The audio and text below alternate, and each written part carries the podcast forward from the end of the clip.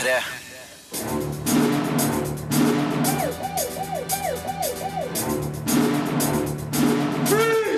Filmpolitiet! What's your name, dude? Uh, Birger Vestmo.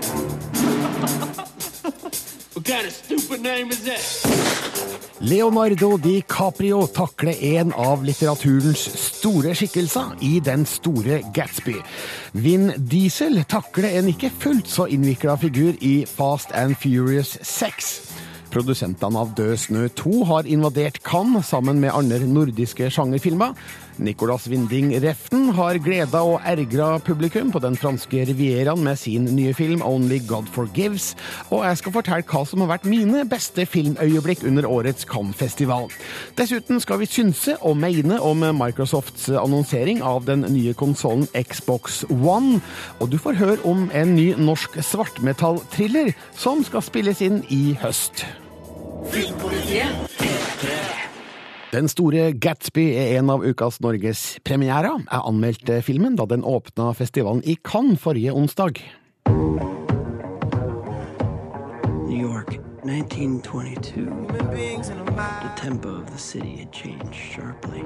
Like etter at Bass Lurmans Den store Gatsby tar til, sprekker hele filmen ut i et vilt utbrudd av fest og dekadanse. Den neste timen er en visuell orgasme av drømmende filmnytelse, der Lurmann gjør det vi vet han kan så godt.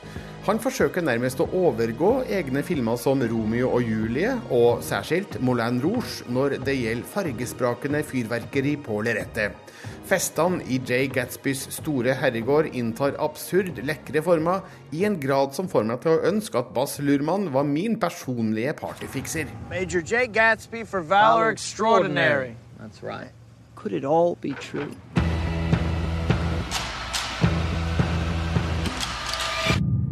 Men så tar festen slutt, og filmen dabber av. Alt som kommer etterpå, er nesten dømt til å bli et antiklimaks. Det er rett og slett ikke nok dramatikk i historiens siste del til at jeg greier å holde interessen ved like. Og filmen drar ut litt for lenge med sine 2 timer og 22 minutter, og gjør at jeg iblant kjenner kjedsomheten kom krypende. Men jeg syns likevel filmen var verdt å se, mest pga. Lurmans kunstferdige festivitas, der han åpenbarer sine største filmatiske ferdigheter. Can't you see who this guy is? With his house, his parties, his fancy clothes. Historien fortelles gjennom Nick Carraway, spilt av Toby Maguire, som flyttet til New York på starten av 1920-tallet med ambisjoner innen aksjemarkedet. Han bosatt seg i et lite hus ved siden av en enorm herregård på Long Island, der eieren, Mr. Gatsby, holder overdådige selskap for New Yorks dekadente sosietet med sine nye penger. Carraway blir invitert inn i denne karusellen, og motivet blir snart klart. Gatsby er betatt av Carraways kusine, Daisy Buchanan, som bor godt gift med gamle penger på den andre sida av vannet. wish we could just run away. I've just heard the most shocking thing. It all makes sense. Leonardo DiCaprio viser også her hvorfor han er en av verdens største skuespillere. Han går dypt inn i figuren og spiller ut hans indre kamp på imponerende vis. Vi ser en mann besatt av sine håp og drømmer, og som ikke ser noen grunn til at de ikke skal kunne oppfylles. Gatsby-figuren eksisterer kanskje på 1920-tallet, men lever ut universelle problemstillinger som også er aktuelle i dag. Det handler om de som har, kontra de som ikke har. Det handler om klassereise, å kjenne sin plass, etc. DiCaprio er ypperlig i rollen og omringes av dyktige prestasjoner fra folk som Carrie Mulligan, Joel Edgerton og Toby Maguire. Something ought to be done about a fella like that. Den store Gatsby er til tider et festlig skue, rik på filmatisk vitalitet og energi, slik Bass Lurman virkelig kan. Han skal ha ros for å ha turt å kaste seg over nok en litterær klassiker og dreid den inn i hans verden uten å miste historiens tematikk av syne. Filmen greier kanskje ikke å komme seg ovenpå igjen så snart den overdådige festinga brått tar slutt. Den burde være 20 minutter kortere, og Lurman kan nok også beskyldes for å være mer opptatt av form enn innhold, slik også forfatter F. Scott Fitzgerald ble kritisert for. Men hvilken form, da? Hvilken form? My life. My life has got to be like this. keep going on. Dette er Filmpolitiet på P3. Du kan se videoklipp fra Den store Gatsby på p3.no filmpolitiet. Forrige onsdag åpna den filmfestivalen i Cannes, ganske så stjernetungt, med både Leonardo DiCaprio, Toby Maguire, Carrie Mulligan og ikke minst regissør Bass Lurman til stede. Og på pressekonferansen etter pressevisninga så forklarte Lurman hvorfor han syntes det var på tide med en ny filmversjon av F. Scott Fitzgeralds klassiske roman. I think my own revelation of it was 10 years ago. And I was on a, I, I knew it as a child, really through Robert Redford, through being a big fan of Robert Redford. But um, I was on a train in Siberia. I was lonely and I had a bottle of Australian red wine. And I had a couple of recorded books. And I put it on, oh, yes, The Gatsby. And I realized I didn't know it at all. And my big rec- recollection was that it was us, it was where we are now, it was this great mirror to reflect back on. And I suppose if I read it when I was 60, I'd have a different experience. I think when you read it when you're 40, a different experience when you're 17.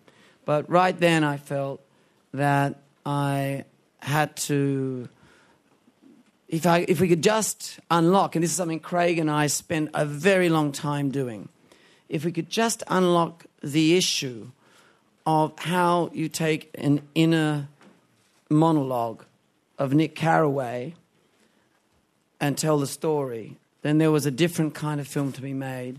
And that was the beginning of a 10 year journey, getting the rights, uh, finding all these incredible collaborators starting, of course, with uh, Craig and my wife, Catherine Martin, and Anton Monstead in music, and then joining with uh, uh, Doug and Lucy Wick.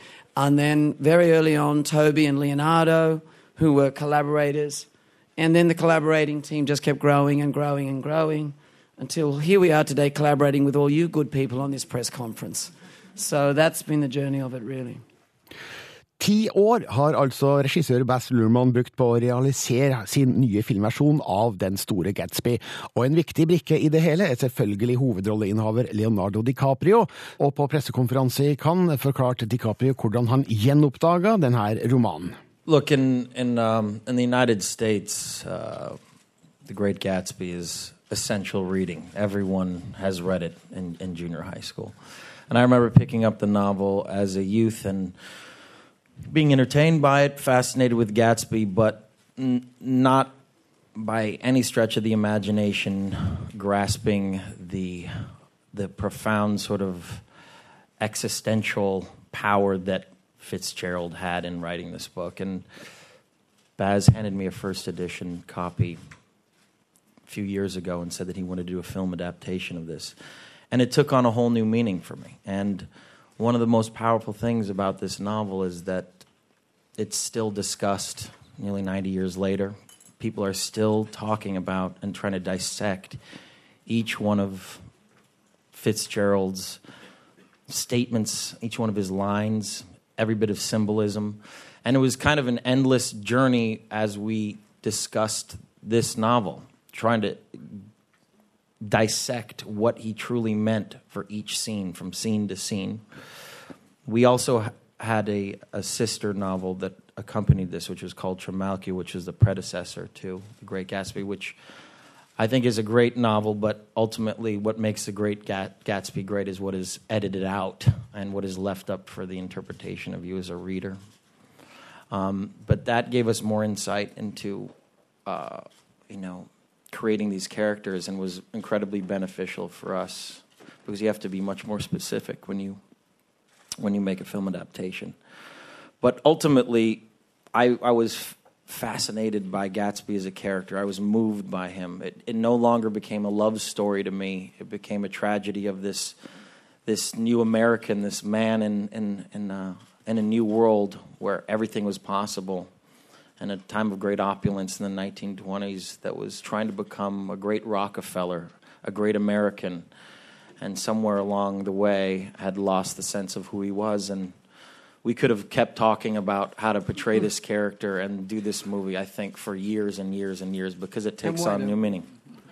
Leonardo DiCaprio har dyp respekt for romanen Den store Gatsby. Min anmeldelse av filmversjonen kan du lese på p3.no filmpolitiet. P3. Filmfestivalen i Cannes starta sist eh, onsdag, eller forrige onsdag faktisk, og pågår fram til søndag kveld når eh, festivalprisene deles ut, blant annet den største av dem alle, Gullpalmen. Festivalen har bydd på et eh, rikt utvalg ny verdensfilm fra spennende filmskapere, altså gamle veteraner som Jarmusch og Polanski og Cohen er i skarp konkurranse med nye stemmer. Jeg har sett mange filmer i Cannes eh, den siste uka. Eh, Jeg savner kanskje rent kvalitetsmessig årets Tree of Life, eller årets Amour. Men eh, det har vært flere gode.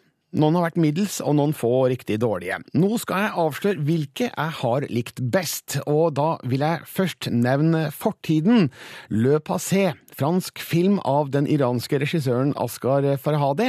Mange husker kanskje hans imponerende film Nader og Simin, Et brudd, som har gått på norske kinoer. Hans oppfølger, den er like sterk. Fortiden er et intenst og rørende familiedrama med sterke prestasjoner fra så vel store som små skuespillere.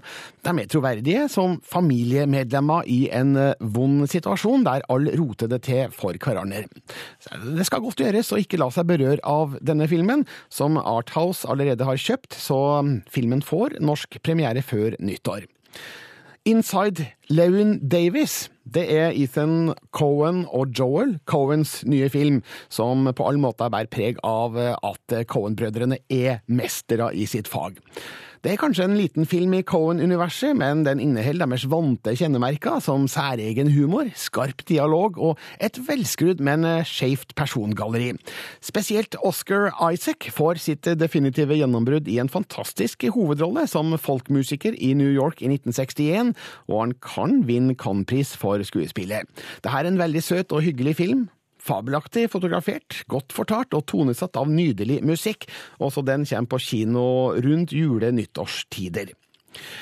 Lincolnu du lac.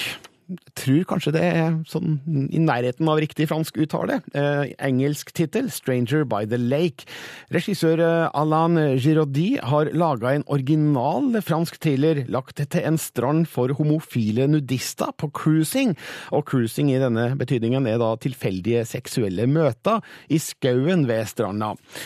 Og Giraudy legger ingen demper på skildringa av disse. Denne filmen byr nemlig på hard homseporno i flere varianter. Det kan virke spekulativt, men gir faktisk historien en troverdighet som jeg mener høyner kvaliteten. Filmen deltar i sideprogrammet Øsertæ Regard, eller Et spesielt blikk, og kjemper dermed ikke om Gullpalmen, men kan vinne 30 000 euro i premiepenger.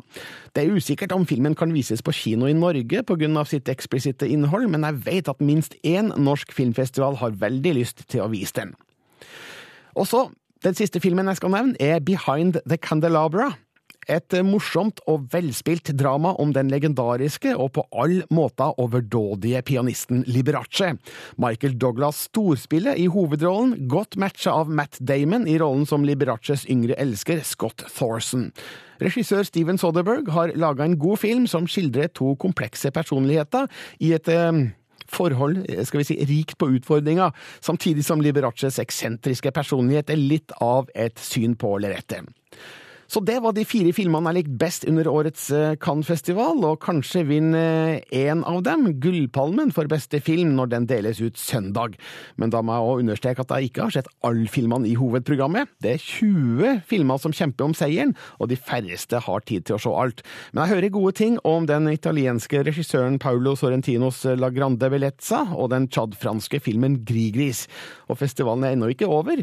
I dag vises The Immigrant av James Gray og den nye Jim Jarmusch-filmen Only Lovers Left Alive, og i morgen da vises Roman Polanskis film Venus in Fur. Og altså, søndag kveld, da får vi vite hvem som stikker av med Gullpalmen. Filmpolitiet. På P3. Widescreen på radio. Filmfestivalen i Cannes er ikke bare en filmfestival, det er også et gedigent filmmarked, der filmprodusenter tar med seg sine nye eller kommende filmer og presenterer dem på festivalen i håp om å bli eh, solgt. Altså at utenlandske oppkjøpere kjøper deres filmer for å vise dem i sine territorier. Flere norske filmer har vært i omløp på filmmarkedet, blant annet eh, Pioner, den kommende dykkerfilmen med Aksel Hennie i regi av Erik Skjoldbjerg, og Gåten Ragnarok, en kommende eventyrfilm med Pål Sverre Valheim. Og eh, den tredje filmen eh, som har gått en ganske het runde på filmmarkedet i Cannes, er Død snø 2.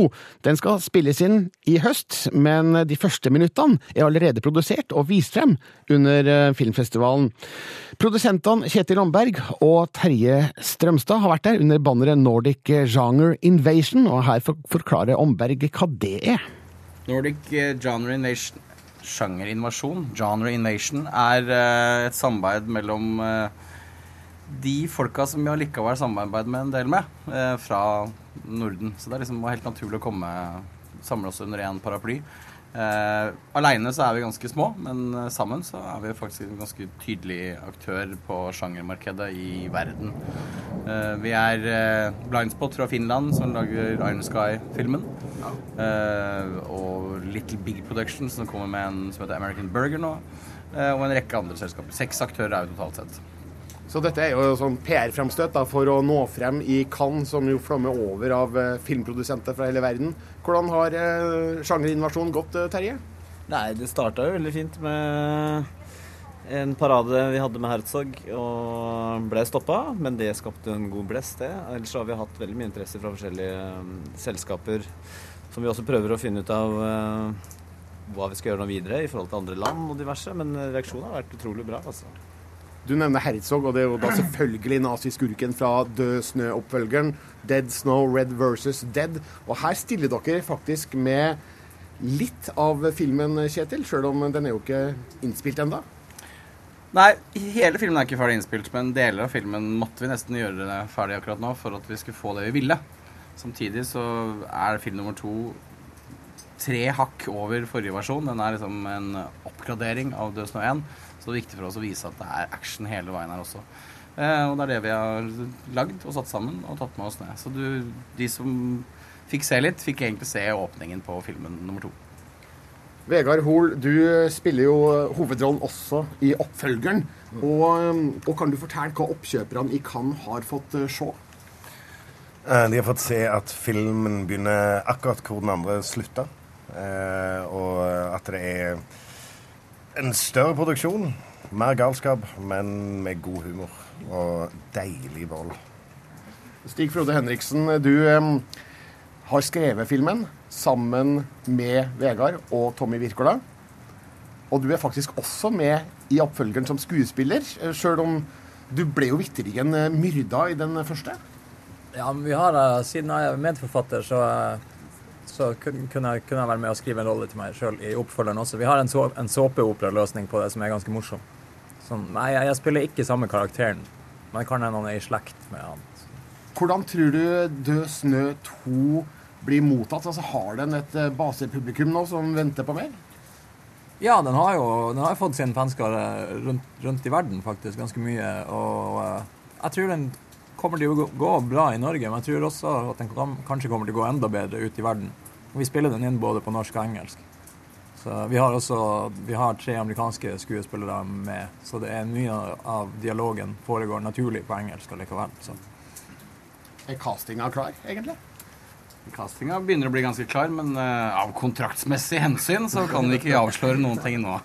Nei, men Kan du fortelle litt om hvordan dette nå har gått uh, i Cannes etter å ha vært her flere dager og, og fått presentert uh, Døsne 2? Det, det, har gått uh, veldig fint. Vi, vi, var faktisk litt sånn småcocky og trodde det skulle gå ganske ålreit også, må innrømme. For vi begynte jo salg i Berlin og solgte til 20 land.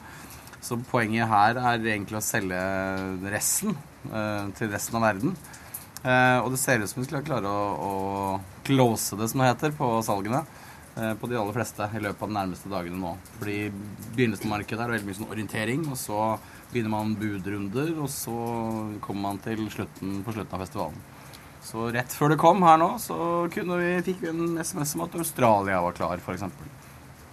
Terje, hva betyr suksess på filmmarkedet i Cannes for Død snø 2? Det betyr at vi får lagd den. Ja, altså vi har, vi har som mål at vi skal starte nå i august, og vi, vi Ja, det er ja, alt å si. Det er, det er første gang vi gjør det på den måten vi gjør det på nå, med, med forhåndssalg, så det er go, no go. Men spilles inn på norsk og engelsk, betyr det at dere tar en Kon-Tiki her? Ja. ja. Du mener vel egentlig yes. Ja, men det skal spilles inn på, på to språk samtidig? Simultant? Men det, ja. Men det er et, igjen et poeng med de amerikanske det, For det kommer eh, noen amerikanere. Jeg vil ikke si hva de gjør, men de Ja, så det Det har nok en, en naturligere forankring i språket i vår film enn Kon-Tiki. Fordi riktignok så ble det sikkert sprø å sitte på en flåta i alle de dagene, men å skifte språk, det, det er jo ikke helt logisk. Det er mer logisk at vi snakker engelsk i filmen enn at Stig Frode er tilbake som en slektning. Kan vi si. Vegard, du har jo da altså allerede spilt inn de første minuttene av filmen. Eh, Resten kommer senere i, i høst. Hvordan må du forberede deg til å gå gjennom en ny blodmølle, eller hva vi skal kalle Død snø 2? Uh, nei, når jeg tenkte tilbake på hvordan det var å spille inn én, så er det jo sånn at du, som når du tenker tilbake på en sommer, så husker du bare de flotte dagene og sånn. Så vi skjøt i 16 minusgrader, og så begynte jeg å huske hvor klissete det blodet var og sånn. Så forberedelsene er strengt tatt at jeg må trene meg opp litt for å klare å holde og gjøre scener to ganger på to språk. Og så er det ikke så mye å forberede i forhold til hvordan du reagerer når det kommer nazizombier springende mot deg. Du må bare kjempe for livet. Du kan ikke planlegge for meget. Så det er, det mest fysikk, og så kanskje øve litt på engelsken. Stig Frode, kan du avsløre hva, hva du må forberede deg på?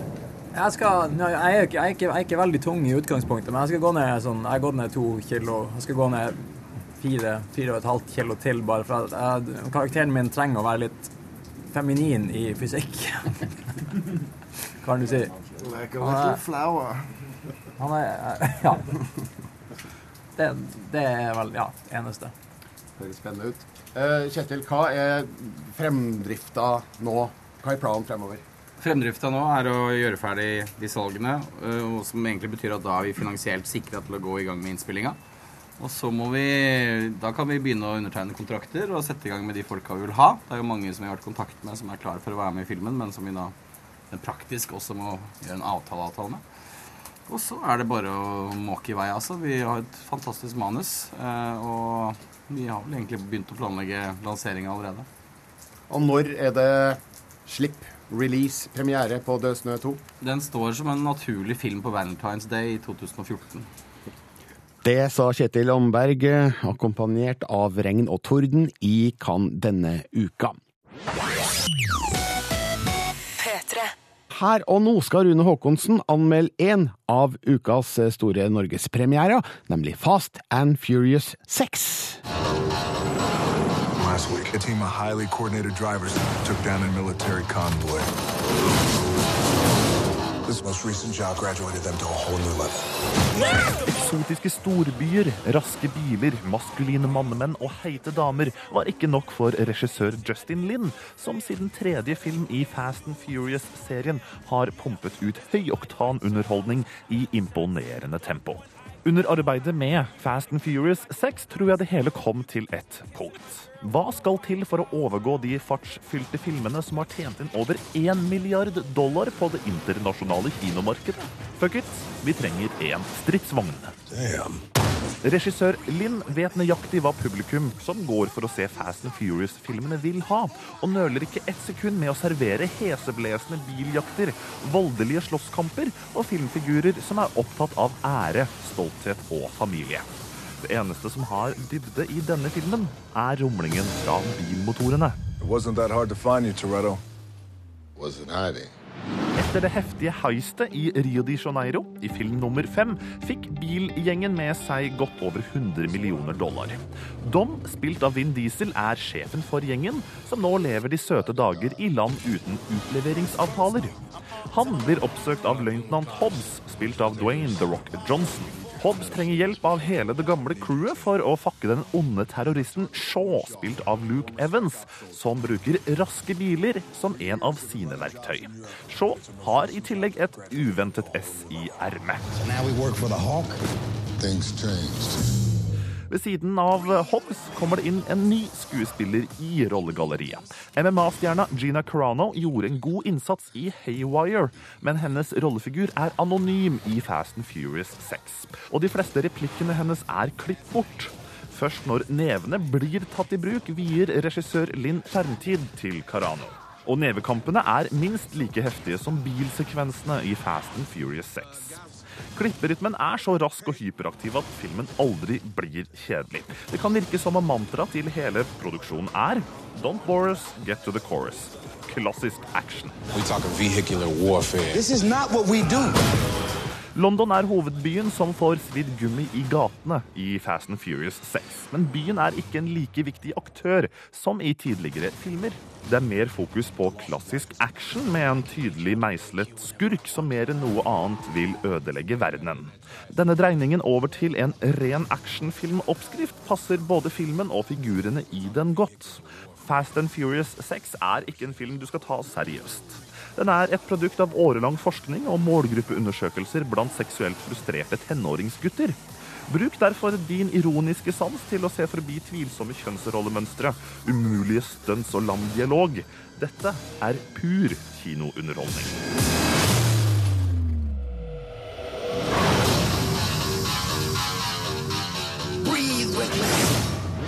Dette er Filmpolitiet på P3. En av filmene det ble stilt store forventninger til i forkant av årets filmfestival i Cannes, det var Only God Forgives i regi av eh, Nicolas Winding Refn, der Ryan Gosling spiller hovedrollen. Og de forventningene skyldes vel én ting, nemlig Drive, som eh, de samme herrene sto bak for to år siden. Nå eh, viste det seg, etter at filmen ble vist, at det ikke er Drive 2. Winding Refn er tilbake tilbake i det smale, sære kunstfilmlandskapet han navigerte i med sine forrige filmer Bronson og Valhalla Rising. Her handler det ikke om spesifikk historiefortelling, mer om stemninga og voldsestetikk, der Ryan Gosling spiller en narkosmugler i Bangkoks underverden, som blir pressa av sin noe iskalde mor, spilt av Kristin Scott Thomas, og hevner sin brors død. Jeg har intervjua Nicolas Winding Reften, som forklarer hvorfor han dro til Bangkok for å lage film. Jeg har vært i Bangkok på ferie og holdt rigtig meget af byen. Og hver eneste gang, så bliver jeg mere og mere fascineret og vild med den by.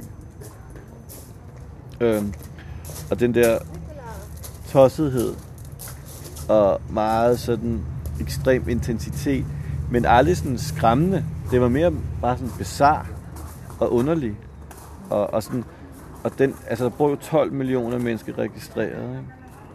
Og der er jo alt fra billiardærer til mennesker, som lever af ingenting. Og så har de den der buddhistiske tradition, der gør, at der er en slags aura altså en glæde eller sådan en accept deres forskellige sociale, men også måder at leve på. Så tænkte jeg, at det kunne være sjovt at lave en film i den her konstruktion. Ikke? Har byen vært med på å skape universet du skildrer i denne, denne filmen? Ja, selvfølgelig har det givet noe, ellers ville jeg jo ikke ha opptaget det. Men specielt da jeg besluttet meg for å skyte hele film om natten, så gav det selvfølgelig riktig mye. for jeg har aldri, aldri opplevd Bangkok om natten. Og man er jo vant til, at, at en by sover om natten, men man oppdager også, at der er folk, der sitter sidder lever bare om natten. Fordi der er total turnaround i den her by, 40 timer i døgnet. Så det var også enormt fascinerende. Og jeg kan jo godt lide at rejse ud og lave film. Altså, når man laver de slags film, jeg laver, så kan man jo gøre det på to måder. Enten kan du jo gøre det i et sted i Europa, under nogle konditioner, som, og der kan man lave rigtig, det kan fungere virkelig, virkelig godt. Eller man kan rejse ud, som også kan fungere godt.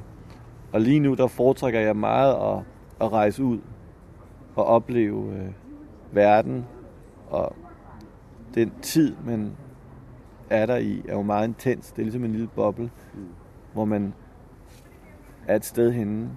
Og når man ligesom, når jeg nu er den moderne H.C. Andersen, så sagde han jo selv, at rejse, det er at leve.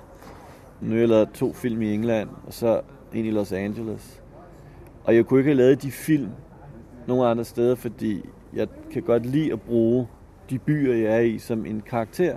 Altså, jeg kunne ikke lave Drive andre steder end i Los Angeles. Det ville være utænkt. Altså, og selvfølgelig kunne du have gjort det, men det var aldrig været den film så.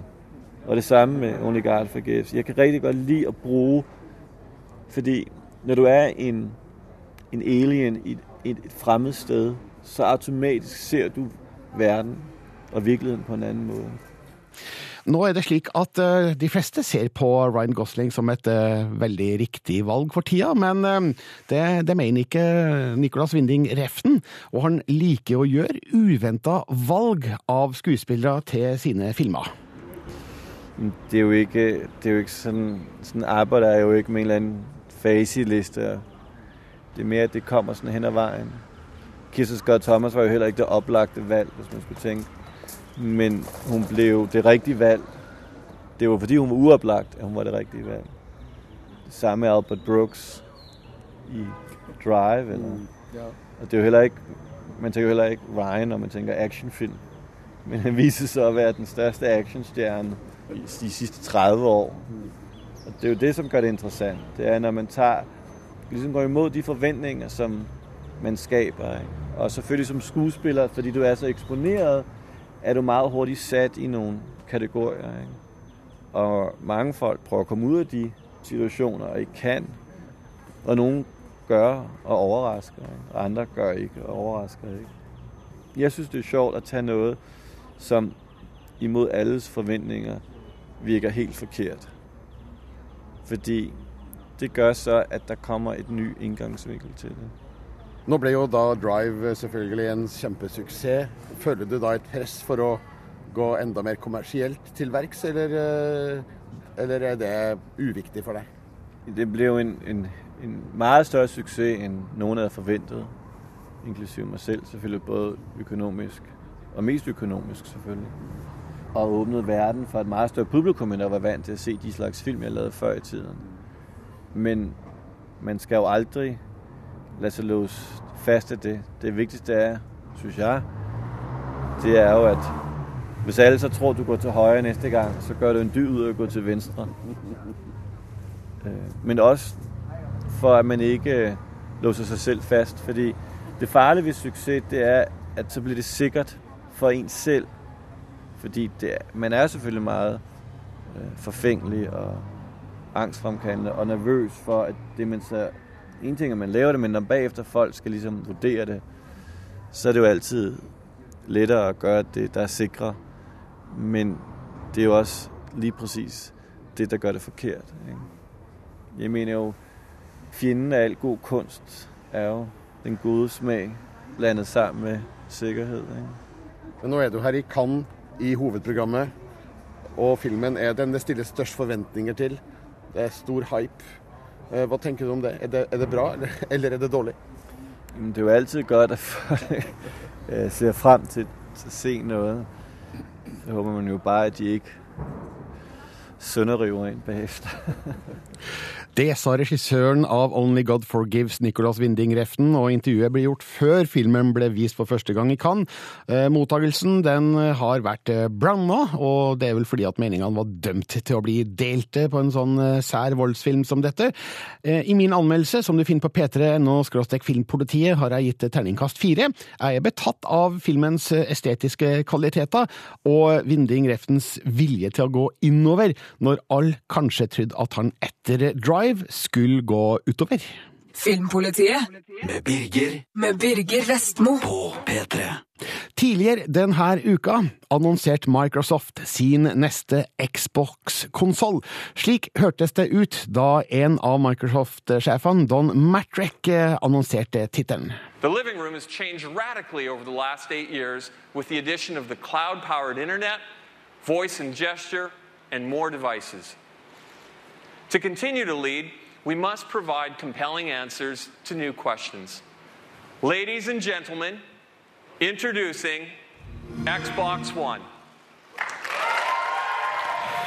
Ja, Xbox One skal barnet hete. Eh, Spillekspert Rune Håkonsen, hvordan eh, presenterte Microsoft sin nye konsoll? De la mye vekt på alt som ikke har med spill å gjøre, faktisk. Det var veldig mye fokus på hva slags multimediekapabiliteter nesten denne konsollen har, nemlig det at du kan se TV-sendinger, eh, sømløst bytte mellom det å se TV og strømmefilm, og spill da selvfølgelig. Men de la veldig vekt på det at det skulle være et mediesenter, et sentrum i stua, som skal erstatte alle de dingsedangsene og tingene du har under TV-en din i dag. Og det var egentlig litt overraskende.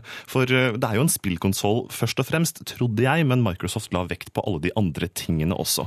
Eh, En annen del problematikk har oppstått i forbindelse med denne pressekonferansen, for det var mange spørsmål som svirra på forhånd. Rykter som har gått mye rundt i spillmiljøene. Blant annet eh, er det sånn at man må være kobla på nett hele tida. Det siste året så har vi opplevd flere ganger spill og tjenester som ikke fungerer bra når de må være kobla på nett hele tida. Det klarte Microsoft ikke å svare veldig godt på, og de har ennå ikke gjort det helt. Eh, I tillegg så kom det litt sånn misforståelser, noen rare uttalelser fra noen av sjefene om at de vil kreve en avgift for at du skal kunne bruke og rett og slett bruktspill du har kjøpt. Og det har jo skapt veldig mye kontroverser. Mm.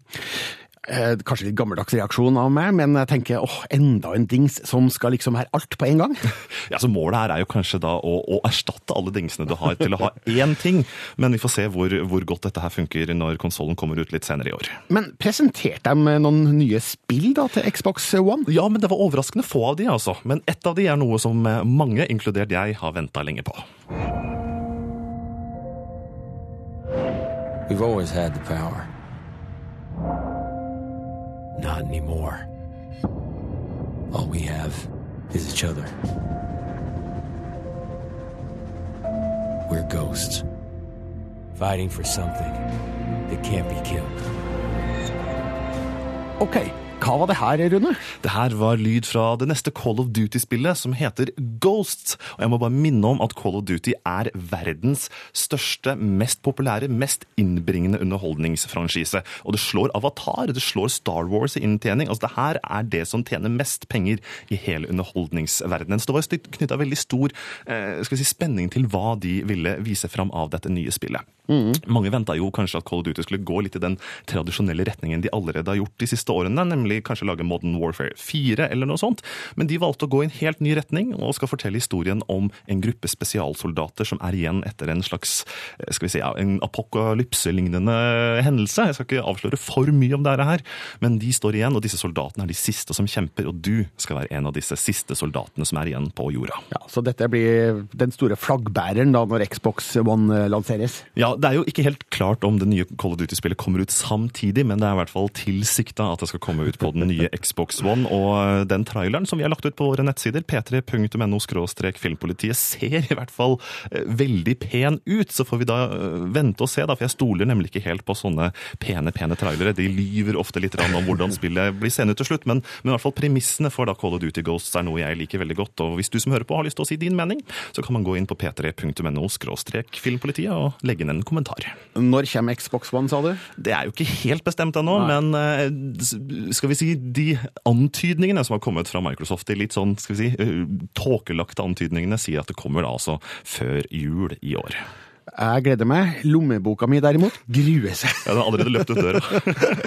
du blir med litt videre, Rune, for du har testa et uh, spill som er tilgjengelig for dagens konsoller. Ja, nemlig The Last of Us til PlayStation 3. What if it's true? Do I need to remind you what is out there?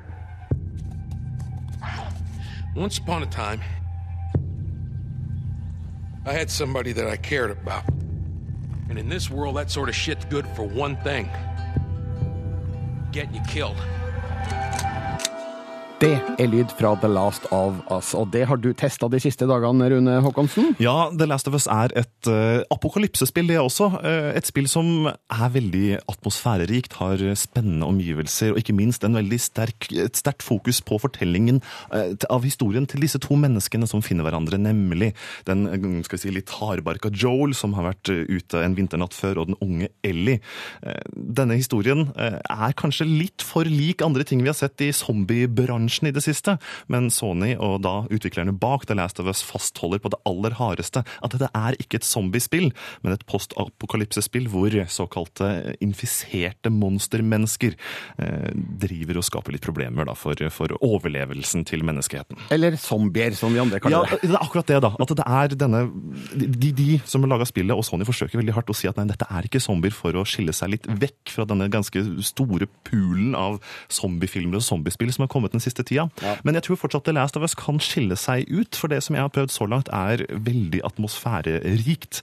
Det er, eh, det er tempoet som først er veldig sakte, men så kommer de dramatiske øyeblikkene. Eh, og så er det da nettopp det at disse to figurene er veldig godt stemmelagt av Troy Baker og Ashley Johnson, eh, som gjør at du også får et veldig nært forhold til den ganske vanskelige situasjonen de er i. Så jeg ser fram til eh, The Last of Us som kommer ut i juni, 14. juni over hele verden i år.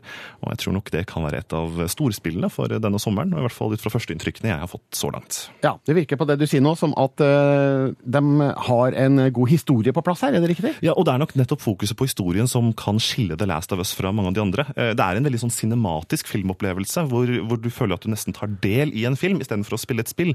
Og det engasjementet som følger med en sånn type historie, tror jeg nok kan fungere veldig godt. Eh, Så gjenstår det å se da om, om de klarer å gjennomføre det helt til slutten på en lang og spennende spillhistorie. Når du kaller spillet atmosfærisk, stemningsfullt, eh, innebærer det god grafikk og lyddesign? Ja, ikke minst. Det er en veldig sammensatt del av det. Og, og grafikken, den, den, den er Det er tydelig at det nå PlayStation 3 har nådd sitt, sin grense på hvor bra det kan bli. Men eh, etter å ha sittet og spilt dette noen timer, så blir man sugd inn i verdenen. Lyden rundt gjør at du virkelig må, må høre etter for å finne ut hvor fienden og disse da infiserte monstrene ligger og lurer. Og når øyeblikket først kommer, at de angriper deg, så spretter pulsen rett opp i 200, og du sitter og tviholder på spillkontrolleren veldig hardt. Den type reaksjon, det gir en god spillopplevelse, og det gjør også at jeg gleder meg veldig til The Last of Us. Og det er dine førsteinntrykk, Rune. Du skal også komme med en skikkelig anmeldelse etter hvert. Selvfølgelig, da blir det en grundig vurdering. Takk skal du ha. P3. En ny norsk black metal-thriller skal spilles inn i Norge til høsten. Den skal hete Ritual, og inneholde ekte norsk black metal-musikk, selvfølgelig. Jeg har møtt den Hollywood-baserte filmprodusenten Dave Spildre fra Bergen, og det skjedde på Croisetten i Cannes denne uka, for å få han til å fortelle mer om denne filmen. Ja, Prosjektet heter Ritual, og det skal eh, den, eh, Alex Herron, eh, nordmann som bor også mye deler av tiden i LA, skal ha regien på han. Og det er en, en spenningsfilm om noen amerikanere som kommer til Bergen, og så er det litt black metal som er bakteppe på denne filmen. På hvilken måte brukes black metal i filmen? Nei, altså det, det vil jo være en god del black metal-musikk, da. Og så eh, skal de på en, en eh, musikkfestival, og så ender de opp med å komme på en black metal-festival i- istedenfor. Uten å få røpe for mye. Er dette et eh, forsøk på å skal vi si, kapitalisere på black metal-interessen også, i, altså innen film? Så vi har lyst til å lage en spenningsfilm, og jeg tror veldig på at hvis man kan introdusere noe som ikke så mange har hørt om både, altså I Norge er det jo mange som har hørt om det, men også utenfor Norge. da, Og det er noe som er ekte, som finnes.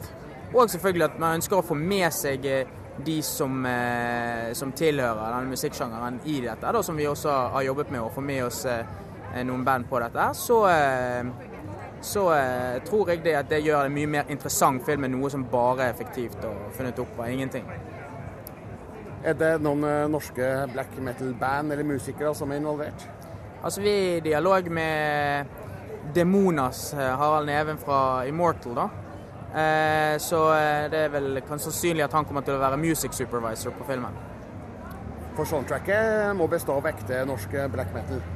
Altså, vi vil ha en eh, ha autentisk musikk eh, som det står respekt av, så det er helt naturlig for oss å ville samarbeide også med de bandene som er i, i Bergen og Norge, da, for så vidt.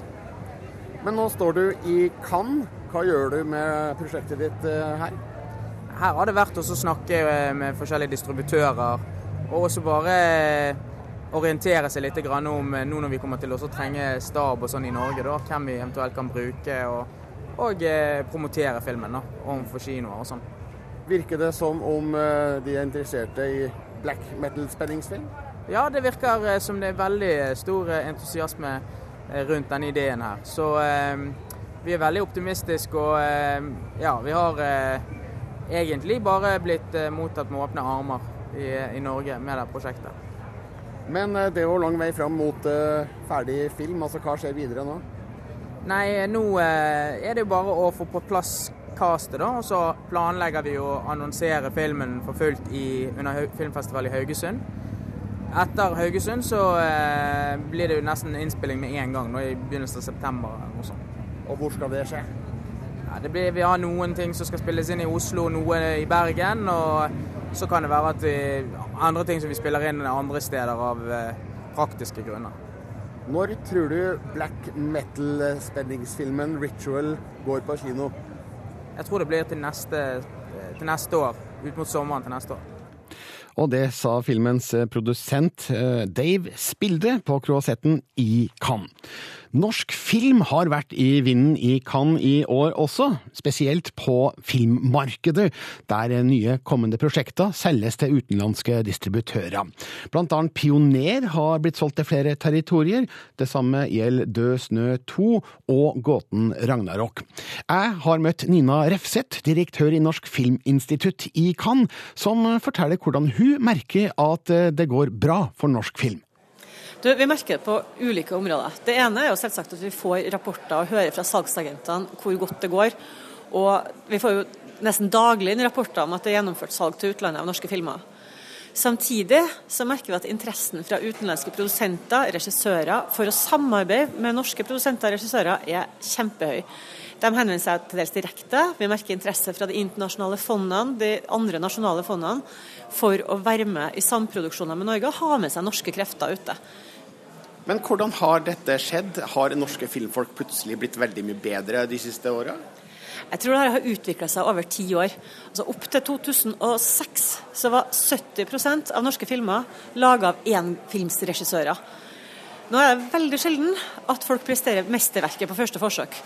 Så de siste årene har det vært en bevisst politikk at vi ønsker at regissører skal være i jevnligere produksjon. De skal få gjøre flere filmer.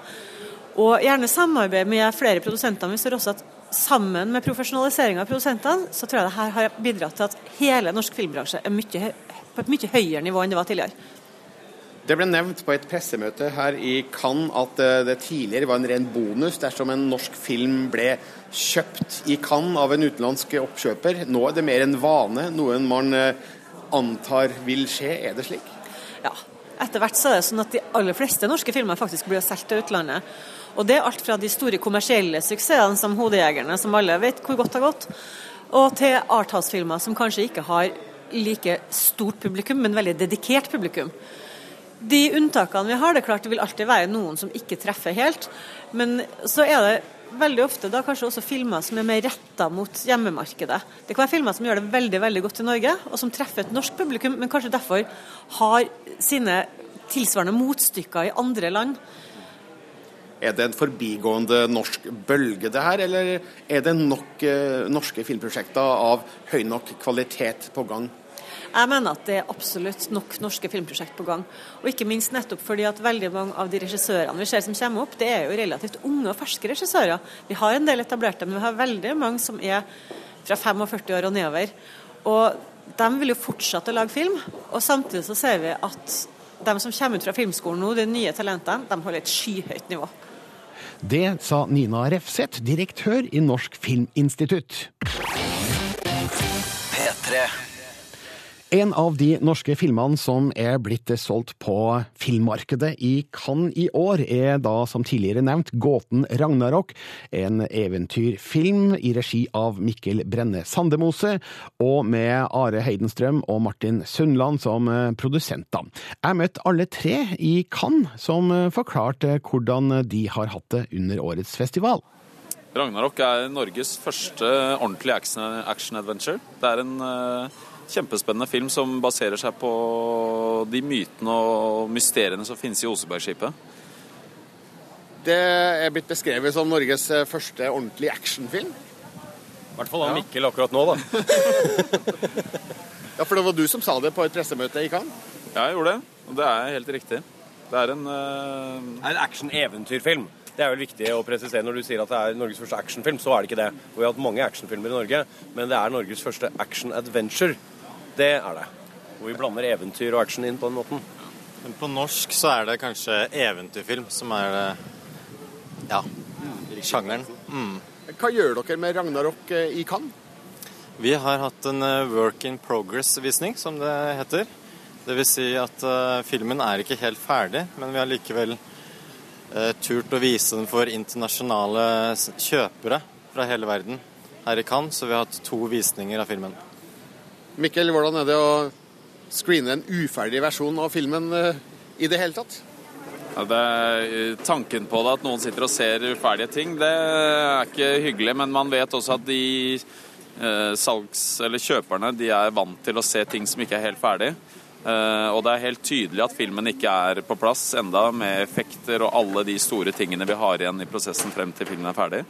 Så det har egentlig vært bra med tanke på all den gode responsen vi har fått på visningene. Ja, hvordan har markedet i Cannes reagert? Vi har fått eh, enormt positiv feedback. Og jeg vet jo at uh, vår salgsagent har fått mange hyggelige tilbud. Så det blir jo spennende å se uh, i løpet av Cannes, eller etter Cannes, hvor vi kan gå ut med hva vi har lukket av avtaler. Så vi gleder oss til fortsettelsen. Hva kan det bety for filmen med suksess i Cannes? Det er jo, altså Først og fremst så er det jo en økonomisk veldig hyggelig side hvis man får filmen ut. Eh, det er det jo altså når de f.eks. under Berlinfestivalen så fikk vi allerede der solgt bare på basis av en promo til USA. Det er jo kjempegøy. Eh, så det er en økonomisk side. Og så er det jo utrolig gøy når man holder på i så mange år. Jeg har jobbet med den filmen her i fem år. Da er det jo gøy at flest mulig mennesker ser den. Det er den store, store gleden ved det.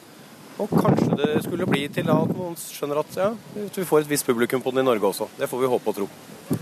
Mikkel, tror du det her er en film som passer utenfor Norges grenser?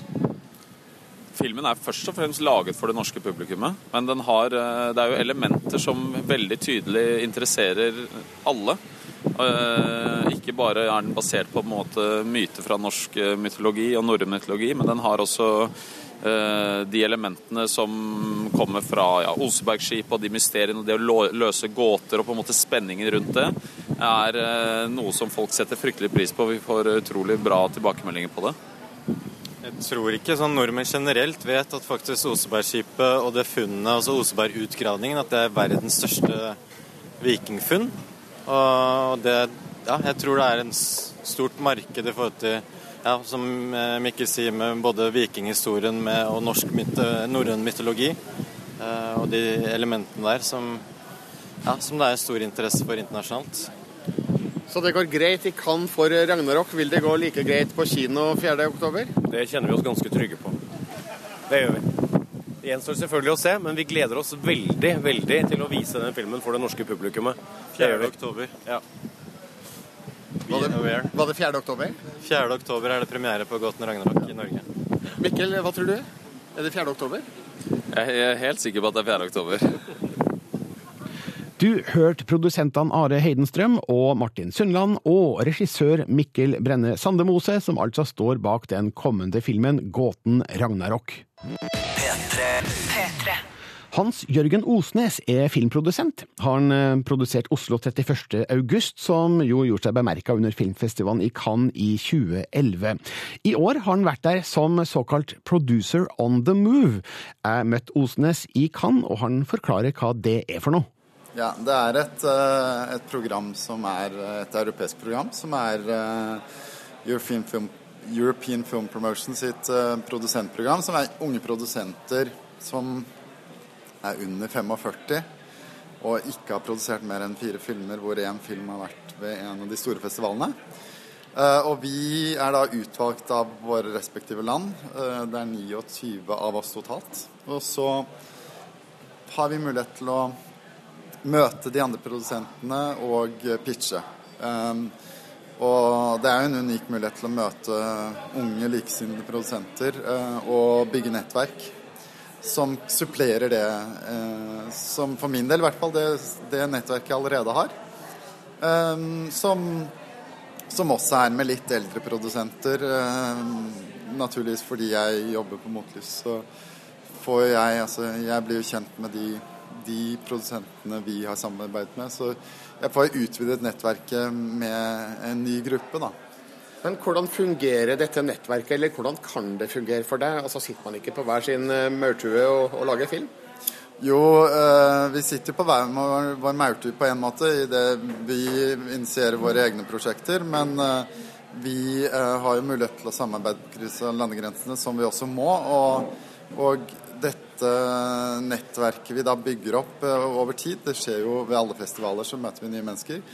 eh, som gjør at vi kan gjøre ting sammen som koproduksjoner, og vi kan eh, bli kjent med, med både nye filmskapere og, og få dra på deres erfaringer. Og, eh, og noen ganger så er vi f.eks. på jakt etter en, en eh, produksjonsdesigner eller en fotograf. Og så kan vi bruke dette nettverket både på, på et kreativt og teknisk nivå, og vi, kan, og vi bruker det også for å, å, å finansiere og, og deler erfaring. Du var her også for to år siden da Oslo 31. august eh, ble vist i sideprogrammet Øzil Terrigar. Du eh, var produsent på den. Hvordan, hvordan opplevde du det? Det var uh, veldig gøy. Det var da min første film som, som uh, spillefilmprodusent. Og det var eh, ekstremt intenst og veldig spennende. Og, og eh, en mulighet til å vise og, og, og bli kjent med hvordan systemet her nede i Cannes fungerer. Eh, litt fra innsiden, der man kommer inn og, er en del av, av det programmet som er, og ikke bare en del av, av festivalen som et sted hvor vi finansierer. Da. Så jeg har vært her både i fjor og i år. eh, Og når, når vi har en film i, i, som vi da hadde i, i konkurranse, så, så blir en stor del av fokuset på det.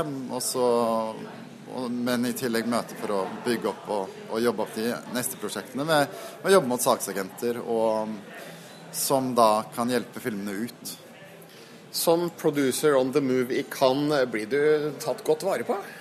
Jeg blir tatt veldig godt vare på, og, og det er utrolig bra oppfølging fra, fra programmets side. De er veldig, til stede, både de og instituttet, uh, som, som passer på at, at uh, ting går uh, på en veldig smertefri måte. Og det er veldig, veldig bra Ja, det er veldig personlige møter da, med, med både de som organiserer det, og, og man blir godt kjent med de andre produsentene. Det var et veldig godt svar, men nå tenkte jeg vel egentlig på altså, middager, festing, limousiner, stjernemøter. Er det noe sånt?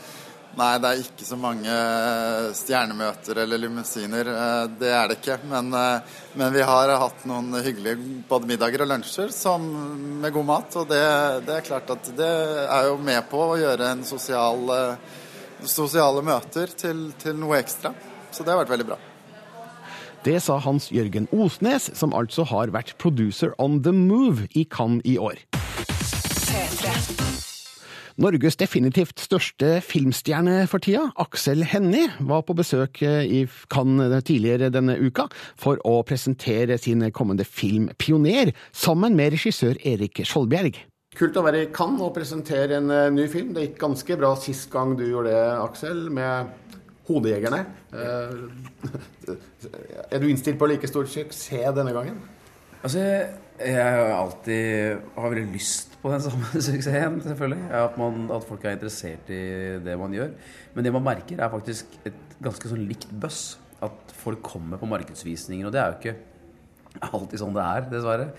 Eh, De salene kan være tomme, de òg, men de er I går var det sånn at man måtte øh, måtte øh, stoppe folk i døra, for det ble fullt, rett og slett. Og det er litt den samme følelsen og litt det samme bøsset og interessen som vi merka på Hodejegerne, og det er foreløpig et veldig, veldig godt tegn. Da. Dere er jo her for å både snakke med norsk presse og selge filmen til utlandet. Hvordan foregår det egentlig, Erik? Det foregår sånn at vi viser en film som ikke er ferdig ennå. Det i seg sjøl er jo veldig skremmende for en regissør. Eh, på lukkede visninger for kjøpere. Eh, og grunnen til at vi gjør det her i Cannes, er at eh, det er ingen plass i verden hvor så mange kjøpere er samla på ett sted. Så eh, de går i en vanlig kinosal da, og ser en uferdig film, og så viser det seg jo i ettertid, for det er jo en salgsagent, Trust Nordic, som er dansk, som håndterer den Altså alt rundt det eventuelle salg. Nå er det første gang dere letter på sløret omkring Pioner. Eh, Aksel, kan du fortelle hva, hva, slags type film er dette? Og nå snakker du til en lytter som ikke aner noen ting om hva det her er. Um, det er en thriller. Det er en stor film på veldig mange måter. Um, det tar for seg et uh, miljø som jeg opplever som ekstremt interessant. Uh, det er en Erik Skjoldberg-film på alle mulige måter. Om det så mener jeg, som er, en, er veldig glad i Eriks arbeide, en film som tar for seg karakterenes indre liv på en ekstremt troverdig og interessant og respektfull måte. Uh, for å kunne lage en historie om nordsjødykkere, så må man ta det med en, en edruelighet og en anstendighet og en respekt som jeg syns uh, Erik får veldig godt til. Men dette her er en film som er sånn som jeg liker film. Det er en film som man kan spise popkorn til, og som man kan grine litt av. og som man har suspens i som det holder. Det er en sånn type thriller-sjangerfilm som man eh, sitter og kjenner, kjenner på når man ser på. Det er, noe, det er ikke film du kan være helt likegyldig til, tror jeg. Men dette er en thriller, eh, men har det noe med eh, de faktiske nordsjødykkernes historie å gjøre? Altså Det handler jo om den gang Norge hadde funnet oljen, men ikke visste hvordan de skulle få den ilandført. Eh, og da måtte, Dette var i 1979-80. Da måtte eh, måtte Norge prøve å finne en måte å bevise at det gikk an å jobbe 400-500 meter under havoverflata. Fordi det går en eh, sånn underjordisk eh, dalsøkk som heter Norskerenna, langs hele kysten av Vestlandet. Eh, og da eksperimenterte eh, vi med forskjellige typer metodikker for å, for å gå så dypt. Og, og eh, nordsjødykkerne var med på disse eksperimentene. Um, og filmen portretterer jo i særlig grad én person da, som eh, heter Petter, som spilles av Aksel Hennie. Eh, og han opplever jo noe veldig dramatisk, og så prøver han å finne ut av sannheten om hvordan dette kunne skje. Dette, uten at jeg vet så veldig mye om handlinga eller har sett noe av filmen, så um, jeg regner med at du må dykke litt i den. Altså, hva slags, hva slags, kvaliteter var det du tok med deg inn som var til nytte under innspilling? Altså, jeg har jo rekreasjonsdykka før, eller sportsdykka før, det har jeg gjort. Men dette her er en helt annen type dykking. Dette er jo yrkesdykking øh, i lukkede systemer og med hjelm og sånn. Det er mye mer alvorlig type dykking. Um, men det at jeg har vært i vann før, vært på dybder før og vært øh, og er trygg i vann, det kunne jeg ha med meg inn. Men i tillegg så tok vi jo med oss en, en hel bøtte med research. Jeg har dykka ned til 60 meter i det samme utstyret. Jeg har dykka på forskjellige gassblandinger, Heliox og luft. Jeg har vært i trykkammer til 50 meter på Heliox. Og selvfølgelig snakka med alle dykkere, snakket med og gjort den research som skal til for å gjøre det. Nettopp for å kunne være helt 100% på hva det er vi driver med. Mm. Men hvordan er det å spille under slike omstendigheter? Det er uten tvil den mest um, krevende innspillingen jeg noen gang har hatt. Vi var jo ca. 50 av tida under vann i det, i det utstyret. Um, og det er kjempepåkjenning. Det er ikke noe, Selv om man er bare 10 meter under vann, eller 15 meter eller 5 meter, så er det det er andre atmosfæriske trykk, og det er, uh, det er slitsomt, rett og slett. Erik, det finnes jo regissører før deg som har slitt med å filme på og i vann. Altså, Hva tenkte du foran oppgaven? Altså, var du mentalt forberedt på det som kom? Altså, Jeg bruker å ta jobber som jeg tenker på som umulig, når jeg sier ja.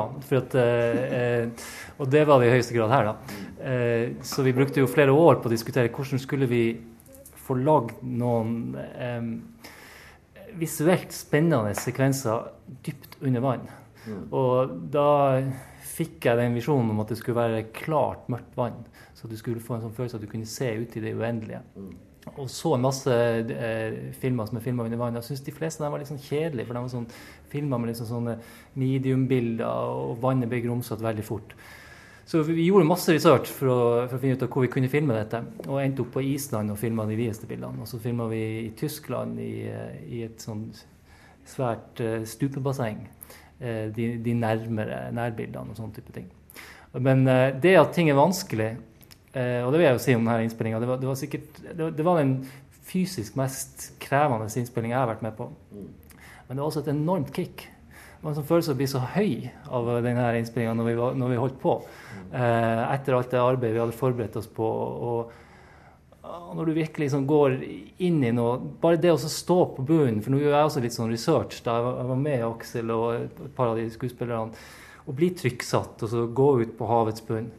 Eh, og særlig for meg, da, som har vannskrekk egentlig i utgangspunktet, så, så var det jo en sånn skrekkblandet fryd å gå ut av klokka og så stå der nede. Og så plutselig så roper liksom den her dykkerlederen at nå må du gå inn. Og da kjente jeg nei, det vil jeg ikke. Det var en helt sånn fantastisk følelse å stå ned på bunnen og så se opp, og det er bare hav over deg. Eh, du gjorde jo kjempesuksess med din forrige film, eh, 'Nokas', som jo var svært tro mot virkeligheten. Altså, Er du like nøyaktig i pioner i forhold til dykketeknikk og hvordan dette egentlig foregikk på, på 70-tallet? Altså, vi har prøvd, vi har lagt veldig mye energi inn i å gjøre det teknisk riktig når det gjelder det, det, altså dykketeknikker og sånn. Um, men det som er forskjellen mellom Nokas og Pioner, det er at denne filmen handler om noe veldig stort for Norge. Det, det Hvordan ble vi rike? Og, og, hva var prisen for det? Og det skjedde for en 30 år siden, disse hendelsene. Så her har vi følte jeg da at vi måtte mytologisere, at vi, vi, vi virkelig måtte sånn skru til en historie som vi hadde researcha ut fra eh, ting som hadde skjedd i virkeligheten. Men det vi viser, plottet vi viser, det kan vi ikke vi hevde at nei, dette er, er helt sant. Det, det, det, er et eventyr som vi har lagd. Men speiler filmen på noen måte måten norske myndigheter behandla nordsjødykkere på den tida? Dette her er jo ikke på noen måte et sånn talerør for enten den ene eller den andre siden av den Nordsjøalliansesaken. Nordsjødykkersaken. Eh, men når man tar opp et tema som er så betent, ikke bare for nordsjødykkerne, men også for nasjonen og for de folka som er rundt det, så må man gjøre det på en måte som Erik sier. Man må gå inn og være 100 eh, tro mot den virkeligheten som, som fins der, og være så rein som man kan i forhold til researchen og de hjemmeleksa si. Man må gjøre leksa si, sånn at når jeg står der som skuespiller, så veit jeg hva jeg prater om. Det er en fiktiv historie, men det handler om noe som vi alle veit hva er. Og det handler om f.eks. at man kan bli skada av å dykke. Eh, tilbake til kan og versjonen som vises her. Den er, den er ikke helt ferdig, altså. Hvor, hvor ferdig er den, det som vises til oppkjøpere her? Altså, selve grunnskjelettet av filmen er jo der. Men uh, det er liksom lyd, miks, musikk, uh, til og med klepp og ting er ikke helt ferdig. Så at, men det vi gjør dette fordi at vi vil egentlig skape mest mulig interesse i utlandet også, da, mm. rundt filmen. Og, og um, foreløpig så har vi en god følelse. Altså, selv om jeg sa innledningsvis at, at jeg syns det er skremmende å vise en film som ikke er helt ferdig, så, uh, så, så har jeg også en sånn god følelse med at, um, at det er en slags entusiasme som jeg merker. I tillegg så er jo de kjøperne som er inne på de visningene, er jo vant til å se uferdige filmer. 'Hodejegerne' var heller ikke ferdig. Det er en det er derfor den er på markedsvisningen og ikke i programmet. Mm. Uh, ja. Hvilket forhold har du til Cannes? Jeg eh, elsker å være her. Det er jo sånn som alle andre nerds. Når, jeg, når man er filmnerd, som de fleste av oss som driver med film er, så er det å være på et sted hvor det er enormt mange mennesker som tenker det samme som deg, som er interessert i det samme som deg, uh, som snakker om det samme som deg, og som ofte vil det samme som deg. Det er jo en sånn konglomerat av folk som egentlig bare har lyst til å leke sammen. Så for, uh, for meg så er det ekstremt inspirerende. Møter uh, folk som jeg både ser opp til og syns er uh, mye, mye dyktigere enn meg sjæl. Får inspirasjon fra mennesker som ja, prater om filmer de har tenkt å gjøre eller skal gjøre. Man får gå på møter. man får rett og slett drev med det man liker å drive med. Og så er kan en, et, et, et ekstremt fint sted. Det her er jo filmfestivalen, liksom. Jeg er veldig, veldig veldig glad i Toronto, men Cannes er noe, det er noe eget over Cannes. altså. Og du Erik har jo vært her med film. Eh, 'Insomnia' ble vist her i 1997. Ja. Jeg husker ikke hvilket program den var med i. Den var med i noe som, var, som het uh, direct, direct, Directors Fortnight? Jeg tror det var det. Ja, okay. uh, er det forskjell mellom å være her med en film i programmet og være her med en film på markedet? Altså, en av de tingene jeg liker med Cannes, det er jo det at eh, det er en sånn følelse at her møtes eh, kunst og marked på en måte. Og for meg så har det alltid vært en av mine eh, altså min, min interesse for film er jo på en eller annen måte å prøve å oppheve denne grensen mellom kommersiell film og kvalitetsfilm. Og prøve å få begge til å gå liksom mest mulig sammen. Eh, da, da, I i den grad jeg ser en sånn film, så blir jeg veldig fornøyd. da. Um, og det er for så vidt litt av ambisjonen også med, med Pioner. Du Aksel, driver du og bøffer deg opp nå til, til Hercules? Syns det? Ja, litt. Jeg mista ti kilo for øh, å spille pioner. De kiloene har jeg gått opp igjen, så har jeg gått opp litt grann til. Jeg er veldig glad for at du, jeg er veldig glad for at du ser det. Da, da føler jeg at jeg får litt på arbeidet. Når skal du begynne å skyte det? Du, jeg, skal, jeg er ikke så glad i å prate om sånne filmer som um, ennå ikke er skutt. For det er, akkurat dette her er Hollywood-produksjon og sånn. Har man jo hørt skrekkhistorier om at plutselig legges ned, og det skjer ikke noe. Men jeg begynner å skyte nå om um, en tre ukers tid. Um, og jeg gleder meg veldig. Skal ikke spørre mer om det. Men uh, Pioner, i hvert fall eh, 30. august. Eh, er dette en bred film for folket, eller er litt smalere landskap? For min del så føles det som en av de mest tilgjengelige filmene jeg har lagd. Så, så eh, jeg tror det vil engasjere mange. Eh, både fordi det er en spenningsfilm, men også fordi at den handler om noe som angår oss alle. Den, den viser noe om bakgrunnen for den velstanden vi har og vi lever med i dag. Det er definitivt en film for eh, mange folk. Og som jeg har sagt, det sier jeg jo nesten hver gang jeg er med på film, at jeg ta, gjør ikke filmer som jeg ikke har lyst til å se sjøl. Dette er definitivt en sånn film. Dette er definitivt en film som jeg ønsker å, at folk skal se, og som jeg er ganske stolt av altså, å ha vært med på. I tillegg eh, så er det kanskje, sett bort fra Uno, eh, den mest personlige filmen eh, jeg har gjort eh, hittil. Eh, Fordi? Fordi det er en tematikk eh, og en historie i filmen som vi ikke skal snakke så mye om nå. Vi skal ta litt altså, vi skal ta nærmere. Men som er ekstremt nærme både meg sjøl og mitt eget liv. Som gjør at jeg er enormt glad i filmen. Og gleder meg litt til å vise fram den. Det sa Aksel Hennie, som altså spiller i filmen Pioner, som kommer til høsten, der eh, regien er ved Erik Skjoldbjerg. Og filmen den har gjort det skarpt på filmmarkedet i Cannes og blitt solgt til flere territorier. Og det betyr penger i kassa og ny suksess, forhåpentligvis, for norsk film. P3. Joakim Trier, hva gjør du her i Cannes? Nei, nå har det vært litt forskjellige ting. Jeg har vært med på noe som heter Directors Assembly, som er et europeisk samarbeid hvor regissører kan møtes og snakke litt om deres erfaringer fra forskjellige land. Eh, Jeg har sett noe film som har vært interessant, og jeg har også gjort en del møter på det nye prosjektet mitt Louder Than Bombs. Som nå er kort tid unna innspilling. Når går du i gang? Vi går i gang i september. Da skyter vi i New York og noen ting i Tyskland også. For kort tid siden kom nyheten om castingen til filmen. Gabriel Byrne, Isabel Huppert og Jesse Eisenberg. Eh, Det er vel en cast du må være fornøyd med? Jeg er kjempefornøyd. Jeg har jo vært skikkelig bortskjemt eh, i Norge med de to tidligere spillefilmene mine. Jeg har jobbet med veldig gode skuespillere. Alltid eh, fått lov til å kaste de som var best for rollen, og ikke tenke på ytre omstendigheter eller bare kommersielle betraktninger. Og det har jeg gjort denne gangen òg. Disse skuespillerne er veldig riktig for eh, den familien de skal spille, og de fungerer også sammen som en familie. Kan du fortelle, for de som ikke har fått det med seg, hva Louder Than Bombs handler om? Det er en familiefortelling. Eh, noen komiske ting, noen dramatiske ting. Det handler om hvor forskjellig vi ser hverandre i familien og i, en, familie. Og vi har, tror jeg, funnet en form og en fortellermetode som er litt eh, annerledes og uventet. Hvor vi ser litt forskjellige perspektiver over de samme hendelsene, og etter hvert forstår noen ganske dramatiske hendelser som skjer rundt en mor som gikk bort for tre år siden. Og hvordan de forskjellige to sønnene og, og hennes mann eh, husker henne. Så dette blir en norsk film. altså Du er regissør, og du har skrevet manus med Eskil Vogt, men den skal spilles inn i USA. Ja, det er som alltid en veldig personlig film. Det er sånn jeg lager film. Jeg føler at jeg har ting på hjertet, og så prøver jeg å jobbe med teamet mitt. da for å få uttrykt det. Denne gangen gjør vi det i eh, USA, eh, men eh, jeg ønsker også snart igjen å lage norsk film. Altså, så det er ikke noen sånn idé om å dra til Hollywood og bli borte.